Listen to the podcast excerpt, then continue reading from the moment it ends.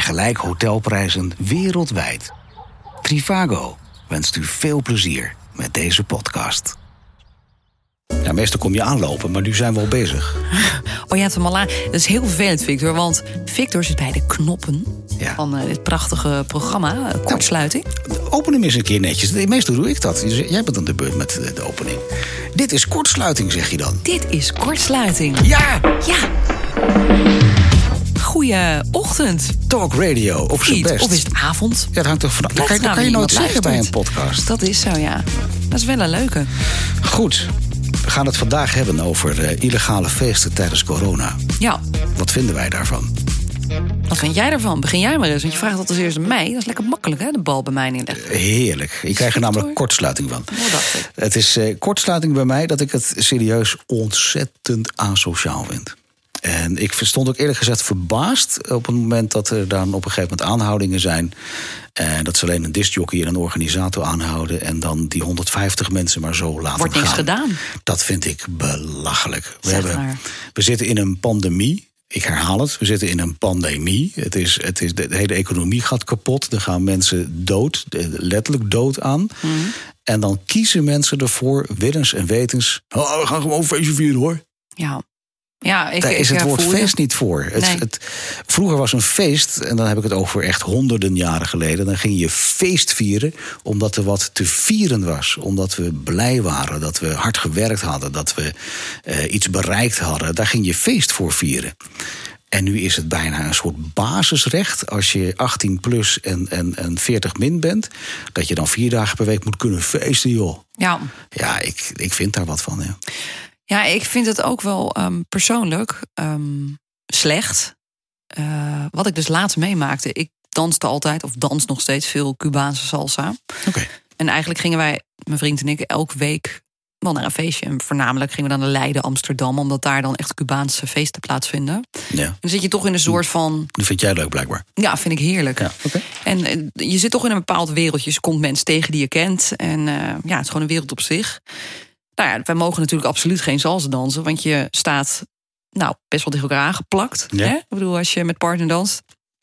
Ehm, dus ja, iedereen in die hele danswereld... die worden helemaal gek dat er niet gedanst kan worden. En met name, er zijn ook heel veel mensen die dus alleen zijn... en die altijd gingen dansen om dus een beetje op jacht te gaan. Ja. Eh, die hele vriendenkring bestond alleen maar uit dansen. Dus dat valt allemaal weg. Ik snap dat het heel vervelend is. Nou werd er dus laatst een privéfeest georganiseerd. Ik kwam ook in de app terecht. Ja. En eh, nou, er werd dus eh, ook van die, van die lelijke grappen gemaakt. Ook over Grappenhuis van de tijd eh, met zijn trouwerij. Ja. Van nou, dan zeggen wij toch ook gewoon dat het een trouwerij is. Als het een grappenhuis kan, dan kunnen wij dat ook. Weet je. Dus het werd, ik ergerde me echt groen en geel eraan. En ik ben uiteindelijk uit die app gestapt. En ik zei dus van jongens, veel plezier. En eigenlijk voel ik mezelf zo schijnheilig. Ik had eigenlijk moeten zeggen van...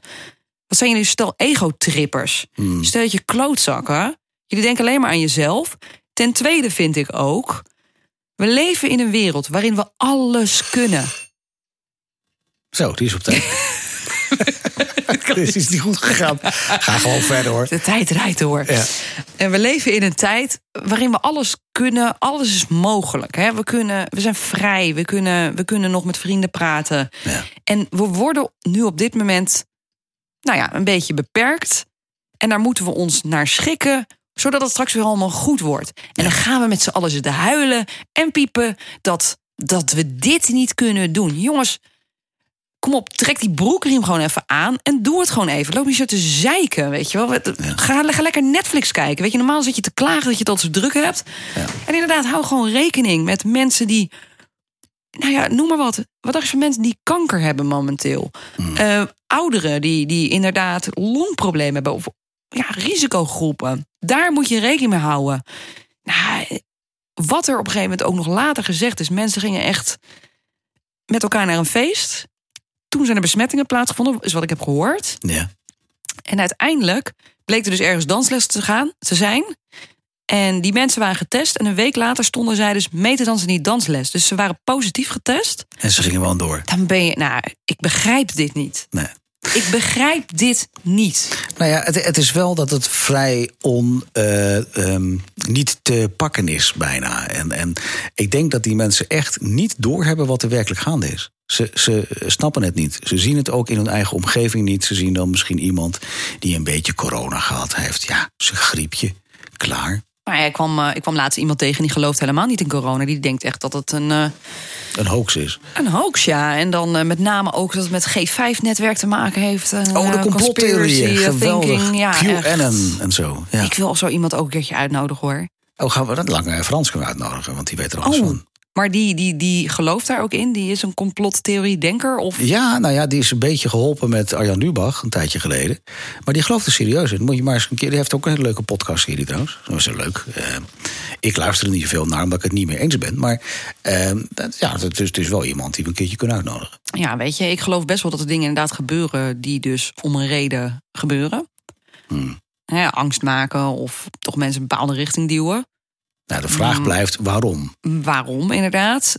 Ehm, maar ik denk wel dat dit, dat dit dan heel erg ver gaat, dat corona niet bestaat. Dat is iets, nee, absoluut niet. Eh, Dat bestaat wel. Ik heb eh, mensen om me heen gezien die dus echt corona hebben gehad.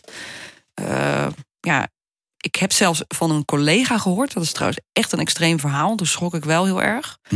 Hè, en dan kun je denken, ouderen en zieke en kwetsbare mensen krijgen het. Maar deze man, dat was helemaal in het begin, 41 jaar, die kreeg corona. Die stuurde nog een selfie. Ja, jongens, nou ik lig hier hoor. Ja, lachen. Maar die is wel dood. Ja. Nou, geen klachten, geen symptomen, geen risico, niks. Dus mensen, eh, ja, het, het is Ja. gewoon echt. Het, er is echt wat aan de hand, maar je hebt natuurlijk ook voorbeelden aan de andere kant zitten. En dat maakt mensen onzeker. Er zijn mensen die eh, eh, zonder het gemerkt te hebben corona gehad hebben. Ook dat.